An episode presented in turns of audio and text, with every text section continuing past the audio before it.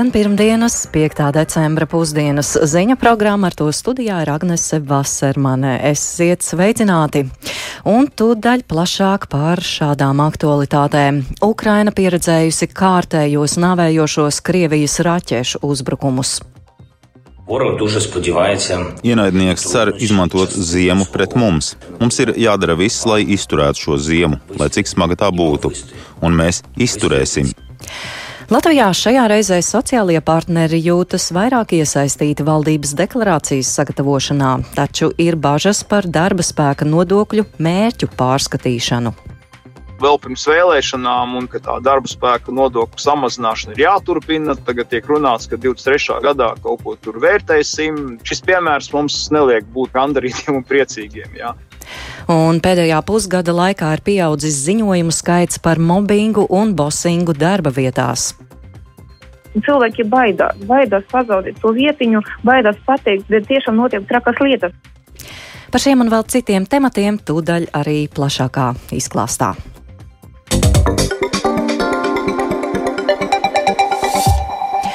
Arī pagājušajā nakts, eh, diemžēl, nav nesusi izmaiņas, un Ukraina ir piedzīvojusi kārtējās Krievijas raķešu apšaudes. Visvairāk ir cietuši rūpniecības un enerģētikas infrastruktūras objekti Zaporižjā. Plašāka informācija par postījumiem un upuriem tiek apkopota. Bet par to, kā šis rīts ir pienācis Kijivā, to šajā brīdī jautāsim kolēģei Indrai Sprancei, kura atrodas Ukrainā. Sveicināti, Indra! Labdien! Kāda šobrīd ir situācija Kijivā? Nu, situācija ir salīdzinoši mierīga, lai arī nedēļas nogalē te Kijivā bija dzirdamas sirēnas, kas brīdina par iespējamiem gaisa uzlidojumiem. Galvaspilsētu uzbrukumu neskāra. Nak naktī raķetes trāpījušas pa Krībīrihu, šauc arī par Zaporīžu, kā jau jūs pieminējāt. Arī iepriekš bija pa Ņipro, Ņipro un Sumu apgabalu. Pašā Kīvā šobrīd turpinās bojājumu novēršana pēc pamatīgā uzbrukuma, kas bija 23. novembrī, kad miljoniem cilvēku palika bez elektrības, ūdens un sakariem. Un, Um, Kīvas mērs vakar vakarā paziņoja, ka no šodienas galvaspilsētā mēģinās pāriet tikai uz plānotajiem elektroenerģijas pārtraukumiem, kas tiek organizēti, lai stabilizētu situāciju, jo elektrības visu vajadzību sekšanai uh, joprojām nepietiek. Un tātad uh, līdz šim uh, Kīvā bija divu veidu elektrības pārāvumi - plānotie kas notiek pēc noteikta izziņot iepriekš grafika, un tāda, kas ir elektrības atslēguma, kas vienkārši nav nekur paziņot iepriekš un vienkārši notiek uz vairākām stundām. Un pilsētas galva ziņoja, ka tad, no šīs nedēļas situācija Kīvā varētu nu, mazliet uzlaboties, jo varētu atgriezties tikai pie plānotajiem atslēgumiem, kas notiek pēc grafika, un tātad visi iedzīvotāji var zināt, no, no, no cikiem līdz cikiem elektrība viņiem nebūs. Um, šie plānotie elektrības atslēgumi, Indra, uz cik ilgu laiku tad cilvēkiem šā elektrību šādi atslēdz? Kā kurā vietā tā situācija ir ļoti dažāda. Kīivas energoapgādes uzņēmumam ir izveidota mājaslapa, kurā ik viens iedzīvotājs ierakstot noteiktu adresi var redzēt, no cikiem līdz cikiem tur nebūs elektrības. Un es arī šorīt aplūkoju dažādas adreses gan pašā pilsētas centrālajā daļā, gan arī varbūt mazliet tālāk no centra. Un jāsaka, ka tur ir līdzīgi pēc ilguma atslēgumi. Um, un, un tātad stundu skaita ziņā līdzīgi, un, un jāsaka, ka viņi joprojām ir diezgan ievērojami. Uh, tātad es paskaitīju, ka kopumā diennaktī tie sasniedz pat 12 stundas diennaktī. Liela daļa atslēgumu ir naktī, no 9 vakarā līdz 1 naktī, taču daudziet arī pēcpusdienā, piemēram, no 12 līdz 16. Un, tas nozīmē, ka šajā laikā Šajās noteiktajās apkaimēs nereti nedarbojas arī luksofori un, un veikalos, ja tur nav ģeneratori, tad tur nevar samaksāt ar maksājumu kartēm. Nu, piemēram, nevar arī izņemt naudu no bankomātiem un ir arī dažādi citi apgrūtinājumi. Mm, varam tikai iztēloties Latvijā, kā tas ir. Uh, Indra, vai tajās nu, tumsas stundās tur ir vismaz siltums? Tas ir ļoti atkarīgs no ēkas. Ja apkurss sistēma balstās uz elektrības padevu, tad siltuma nav. Bet pārsvarā tur, kur ir centrālā siltuma apgādes sistēma, tad tā darbojas arī tumsas stundās. Un, un zināms, ka Ukraiņi ļoti, ļoti patiešām strādā pie tā, lai pasargātu energoapgādes sistēmu no šiem gaisa uzlidojumiem. Um, nu, vienlaikus pilsētā arī notiek ļoti nopietna gatavošanās sliktākajiem scenārijiem. Uh, ka atkal kaut kāda uzbrukuma rezultātā Kīva var tikt pilnībā atslēgt no elektrības un miljoniem cilvēku atkal varētu palikt pilnīgā tumsā, arī bez siltuma un ūdens. Kā notiek šī gatavošanās šim sliktākajam scenārijam, kā tas notiek praktiski? Nu jā, pēdējo dienu laikā Kīvis mērs ir publicējis virkni dažādu sarakstu. Tur ir atrodama informācija par veikaliem, degvielas uzpildes stacijām, aptiekām, ūdens pieejas punktiem un pat veterināru klīnikām, kas arī ir gatavas un ir sagatavojušās un sola strādāt pat pilnīga elektrības atslēguma gadījumā. Un medijos arī ir publicēta informācija ka pilnīga šī atslēguma gadījumā slimnīcas varētu pārtraukt plānveida medicīniskās palīdzības sniegšanu un priekšroka tātad tiks dot neatliekamajai palīdzībai. Tāpat šajā gadījumā gaidāms arī transporta satiksmes izmaiņas, tad ir brīdināts, ka virszemes transporta satiksmē būs izmaiņas, un šis transports būs par brīvu, un savukārt metro vilcienu satiksme, protams, apturēt, un šīs pazemes metro stacijas darbosies kā patvērtnes, kā tas jau ir bijis arī iepriekš. Jāsaka, ka Te um, Kīvā ļoti nopietni gatavojas, ka līdz ar stiprāku salu varētu būt gaidām jauni uzbrukumi. Uh, Un, uh, taču nevarētu teikt, ka ir kaut kāda liela panika. Cilvēki gatavojas sliktākajam scenārijam, uh, vienlaikus uh, ir cerības uz Ukraiņas aizstāvjiem, ka visus uzbrukums izdosies novērst un beig beigās pasargāt galvaspilsētu. Uh, nu, Vienlaikus uh, ir arī kaut kāda centiena saglabāt tādu uh, kaut kādu normālības sajūtu, un, piemēram, ir jau parādījušās ziņas, ka par spīti sma smagajiem un ļoti sarežģītiem apstākļiem arī šogad Kīvā būs uh, Ziemassvētku eglīte. Tā būs kā, uh, kā katru gadu tajā pašā vietā, tikai varbūt nebūs tik ļoti izgaismota kā, kā citkārt, un Kīvas mērs pat simboliski to nodēvējis par neuzvarības eglīti. Jā, paldies! Liels sazinājāmies ar Indru Spranci, mūsu speciālu korespondenti Kijivā, Ukrainas galvaspilsētā. Bet tātad Ukraina aizvadītajā naktī ir pieredzējusi kārtējos nāvējošos Krievijas raķešu uzbrukumus un vairāk par to notiekošo stāsta Uldis Ķezberis. Arī šī nedēļa Ukrainā ir iesākusies ar Krievijas raķešu un artilērijas triecieniem. Vismaz viens cilvēks nogalināts, bet vēl trīs ievainoti, kad vairākas raķetes trāpīja rūpniecības uzņēmumam Krivija Rīgas pilsētā Ņipropetrovskas apgabalā. Ar smagu artilēriju apšaudīta arī Nikopole un Margaņeca, taču nav ziņu par cietušajiem. Krievijas spēki ar raķetēm apšaudījuši arī Zaporīžies pilsētu. Tur par mērķi bija izvēlēta energoapgādes infrastruktūra un kāda rūpniecības uzņēmuma teritorija. Šajos uzbrukumos neviens nav cietis. Ukrainas prezidents Volodimirs Zelenskis vakar vakarā paziņoja, ka Krievijas rīcībā joprojām ir pietiekami daudz raķešu un artilērijas lādiņu, lai turpinātu apšaudīt Ukrainas pilsētas. Tāpēc viņš aicināja iedzīvotājus apbruņoties ar izturību un būt vienotiem, lai pārdzīvotu šo ziemu. Ворог дуже сподівається використати зиму проти нас, зробити зимовий холод. Ienaidnieks cer izmantot ziemu pret mums, padarīt ziemas augstumu un grūtības par daļu no sava terora. Mums ir jādara viss, lai izturētu šo ziemu, lai cik smaga tā būtu, un mēs izturēsim. Izturēt šo ziemu nozīmē visu aizstāvēt. Krievijai joprojām ir raķetes un priekšrocības artilērijā. Jā, bet mums ir kas tāds, kā okupantiem nav un nebūs. Mēs aizsargājam savu māju, un tas mums sniedz vislielāko iespējamo motivāciju. Mēs cīnāmies par brīvību, un tas vienmēr vairo spēku. Mēs aizstāvam patiesību, un tas vieno visu pasauli ap Ukrainu. Lai pārdzīvotu šo ziemu, mums vairāk nekā jebkad agrāk ir vienam otru jāatbalsta un vēl vairāk jārūpējas vienam par otru. Un lūdzu, nejautājiet, vai varat palīdzēt un kā. Vienkārši palīdziet, kad redzat, ka varat. Просто допомагайте, коли бачите, що можете це зробити. Ukrainas amatpersonas apgalvo, ka Krievijas raķešu krājumi strauji samazinās, taču to skaits ir pietiekams, lai veiktu vēl vismaz trīs vai četrus masveidīgus triecienus pa Ukrainas teritoriju. Pēc pēdējiem Krievijas masīvajiem raķešu uzbrukumiem visā Ukrainā ir nopietni traucēta elektrības piegāde, bet daudz viet nav iespējams nodrošināt siltumu. ASV valsts sekretārs Antonijs Blinkens Krievijas centienus nodarīt pēc iespējas lielākus postījumus Ukrainas energoapgādes infrastruktūrai nodēvējis par barbariskiem. Viņš intervijā telekanālam CNN sacīja, ka ASV administrācija kopā ar kongresu strādā pie likumprojekta, kas ļautu atzīt Krieviju par valsti terorisma atbalstītāju.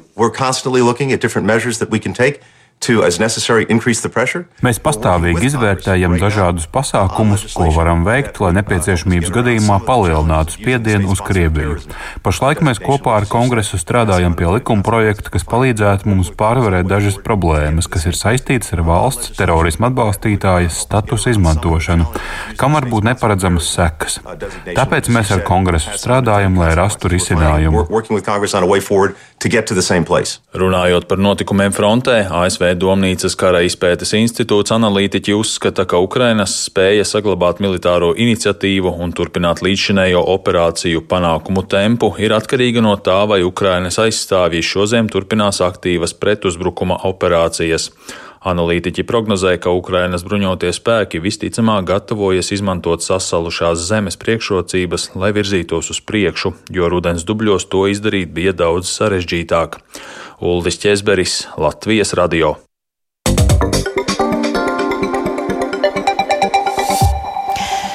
Latvijā topošās koalīcijas partiju pārstāvji kopā ar sociālajiem partneriem apspriedīs valdības deklarācijas jaunāko versiju. Atsevišķi politiķi iepriekš prognozēja valdības deklarācijas izstrādi pabeigt šonadēļ, līdztekus plānojot nosaukt ministru amatu kandidātus. Valdības sociālie partneri jūtas vairāk iesaistīti valdības deklarācijas sagatavošanā, taču saglabājas neskaidrības. Un par to plašāk pastāstīs kolēģis Jānis Kincis, kurš pievienojies studijā sveicināt Sveicināts, Jāni! Ko par valdības deklarācijas sagatavošanas plānu saka darba devēji un sociālie partneri? Jā, sveiki, Agnēs, sveicināti radio klausītāji. Valdības sociālo partneru tā saucamais lieliskais piecinieks, tostarp darba devēju, darba devēju konfederācija, Brīvo arotbiedrību savienība, pašvaldību savienība un zinātņu akadēmija ir vienojušies par kopīgu pozīciju, ka šoreiz valdības deklarācijas sagatavošanā ir iesaistīti plašāk un process bijis organizēts laicīgāk nekā pirms četriem gadiem. Vienlaikus turpmākajās dienās gatavojot valdības rīcības plānu ar konkrētiem uzdevumiem, sociālajie partneri sagaida arī plašāku iesaisti šajā procesā. Līdz šim dažādās tematiskajās darba grupās pieeja bijusi atšķirīga, un tiešām par vairākiem punktiem vēl ir neskaidrība, ko cerēts apspriest šīs dienas tikšanās laikā. Viens no tiem ir par darba spēka nodokļu politikas mērķiem un atkāpšanos no tiem saskata Latvijas Tirzniecības un Rūpniecības kameras prezidents Aigars Rostovskis. Paklausīsimies viņa teikto. Teiksim, šis darba spēka nodoklis arī parāda tādu nu, tā procesa politisko turpinātību, tā var teikt. Ja, jo faktiski vēl, vēl pirms vēlēšanām un tā pati vienotība, vēl arī tur Ašarādien kungs un arī Rēri kungs tur ciemojās pie mums. Un, Mēs arī tajos mūsu dokumentos parakstījām, jā, ka tā darba spēka nodokļu samazināšana ir jāturpina. To mēs darīsim. Tas bija solījums arī pēc vēlēšanām. Nu, tagad, kā man ziņo kolēģi, kas iet uz tām finanšu sarunām, ka tur jau tiek runāts, ka 23. gadā kaut ko tur vērtēsim, 24. gadā, tur 25. tad skatīsimies, vai ieviest vai kā. Nu, šis piemērs mums neliek būt gandarītiem un priecīgiem. Jā. Darba spēka nodokļu tēma, tā mums ir tāda ļoti sāpīga gan eksporta eksporta sakarā, gan tādā investīciju piesaistē, gan nu, konkurences spējas sakarā kopumā.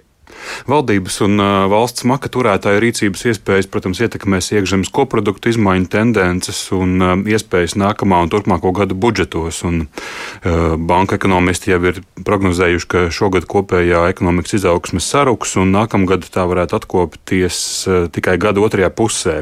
Līdz ar to paredzams, ka, protams, gan šajā, gan citos jautājumos varētu budžeta kontekstā būt jāreķinās ar dažādiem kompromisiem. Arī Brīvo arotbiedrību savienību uzmanību veltījusi nodokļu politikai. Savukārt Latvijas pašvaldības savienības vadītājs Gins Kaminskis jau iepriekš Latvijas radio atzina, ka reģionālās attīstības, pašvaldību finanšu stabilitātes un digitalizācijas jautājumu atspoguļojums nākamās valdības darba plānā vieš cerības. Tad līdztekus deklarācijas apspriešanai tad, tad topošās koalīcijas pārstāvji šajā, šajās dienās arī plāno nosaukt konkrētus kandidātus uz ministru amatiem, un balsojums par jaunās valdības apstiprināšanu varētu sagaid, būt sagaidāms nākamās nedēļas vidū. Tātad šodien, 5. decembris, pēc desmit dienām, varētu būt jauna valdība. Varētu būt jau balsojums, jā. Paldies Jānim Kincim!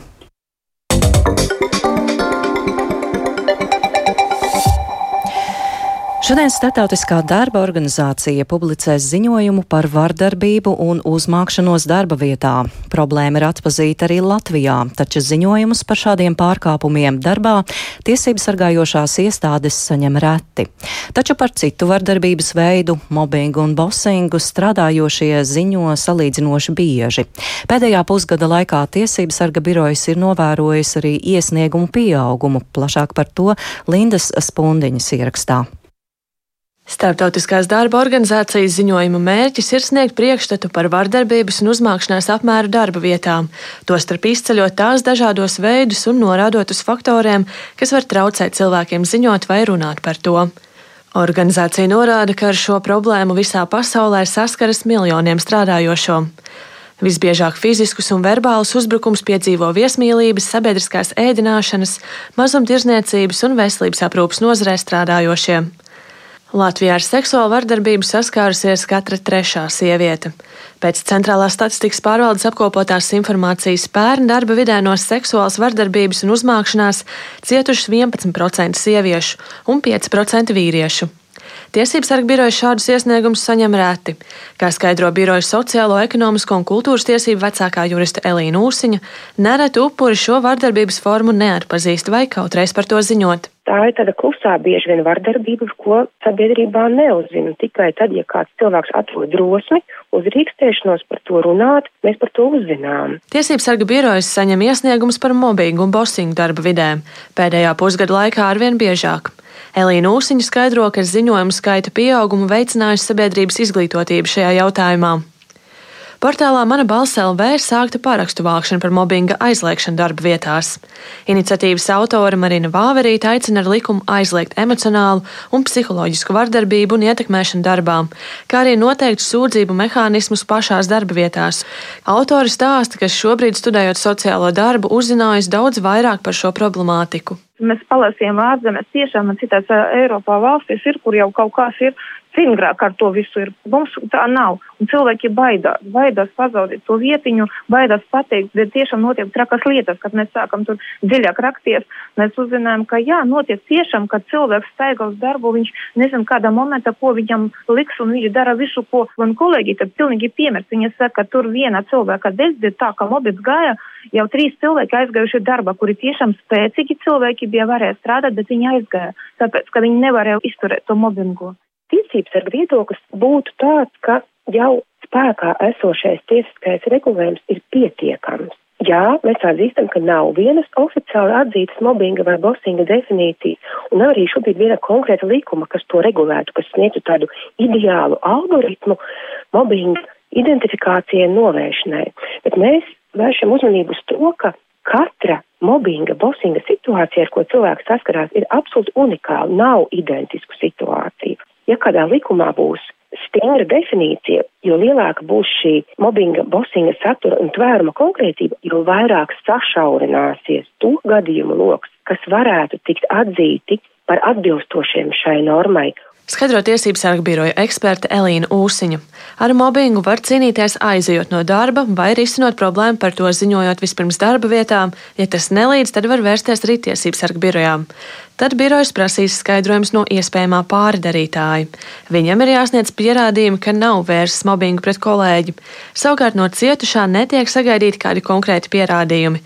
Pietiek vien ar situācijas aprakstu. Vēl var ziņot arī valsts darba inspekcijām. Linda Spundiņa, Latvijas radio.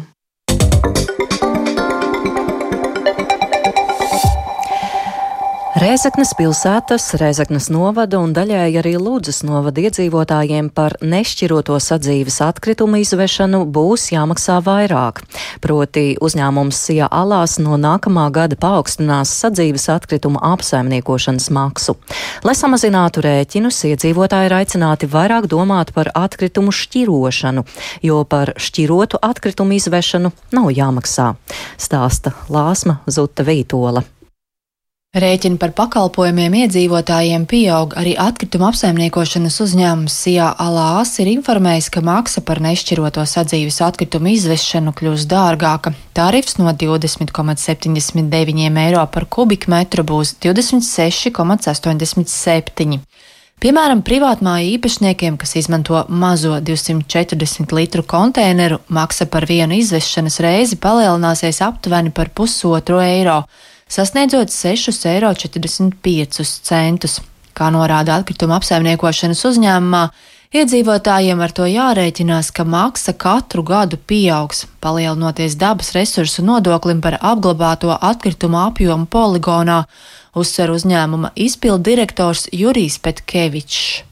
Es jau šajā nozarē esmu jau desmit gadus. Tas, tas dabas resursu nodoklis par vienu tonu jau pieauga no 80 centiem līdz nākamajā gada būs 95 eiro. Nu, tā kā mēs varam pareiķināt vairāk nekā 100 reizes. Valsts arī dotajā brīdī plāno, vismaz tā viņa definē, ka tos dabas resursu nodokli viņi ar katru gadu mēģinās vēl palielināt palielināt, lai sasniegtu tos radītājus, ka mums visiem ir iedot no Eiropas Savienības, ka 35. gada mums jāapglabā tikai 10% no uh, nešķirotiem sadzīves atkritumiem. Tāpēc ir arvien vairāk jādomā par atkritumu šķirošanu, jo par šķiroto atkritumu izvešanu nav jāmaksā. Līdz ar to, jo vairāk mēs atšķirojam no tās masas, ko mēs metam kopējā konteinera nešķirotā, jo mēs vairāk samazinām to apjomu, līdz ar to loģiski mēs saņemam mazāku rēķinu par izvestu atkritumu daudzumu. Kopumā, kā novērots atkrituma apsaimniekošanas uzņēmumā, šķiroto atkritumu apjoms pieaug, tomēr tas nebūtu nav tik ātrs un viegls process. Cilvēkiem trūkst motivācijas un izpratnes par to, kādēļ jāšķiro un to, kā tas ietekmē viņu rēķinus. Tāda ziniet, ne visu šķirojam. Nu, ko mēs šķirojam? Tur e, to plasmasas, tur stiklu varbūt tā kaut kur. Pie daudz dzīvokļu mājas ir konteiners šķirotajiem atkritumiem, tomēr tur citi mēdz mest visu, kas pagadās. Tāpat šķirošana ietekmē nelielā virtuves platība. Vajadzētu šķirot, bet maza virtuve nezinu. Vaļas mašīna tur ir izlietne, tur ir gāze. Man pašam apgriezties knapi, knapi. Divi tā nevar iet gandrīz. Mums pagalmā ir konteiners, jā, dažādi. Sen jau to darāt? Nu, kā uzstādīja, gadi 3, 4, pirms tam arī bija, bet tagad tāda kā nojūmē, jā, un tur ļoti ērti. Jūtat to, ka rēķins mazāks ir, jo par sašķiroto atkritumu izvešanu nav jāmaksā. Nu, tā nesekoju rēķinam. Kaut kā nemanīju atšķirības lielas. Nu, mājās visu kopā. Tāpēc, ka tā ērtāk, vienkāršāk. Jā. Reizeknē aptuveni 30% no daudzdzīvokļu mājām ir uzlikti šķiroto atkritumu konteineri, un iedzīvotāji šķirojot pieļauj arvien mazāku kļūdu. Jāteic, privātu māju iedzīvotājiem šķirotos atkritumus jāved pašiem uz šķiroto atkritumu laukumu, kā lēš uzņēmumā. Mazāk par 20% atkritumu tiek sašķiroti, tomēr pieaugums ir vērojams. Ja mēs skatāmies nu, piecu gadu laikā, tad tas jau vairāk nekā dubultojas. Stabili vairāk nekā 10% pieauguma apjoma, ko mēs redzam katru gadu. Sijā Alās sola, ka nākamajā gadā šķiroto atkritumu laukumā būs iespēja nodot arī tekstila izstrādājumus. Lāsma Zota Vītola Latvijas radio studija Latgalē.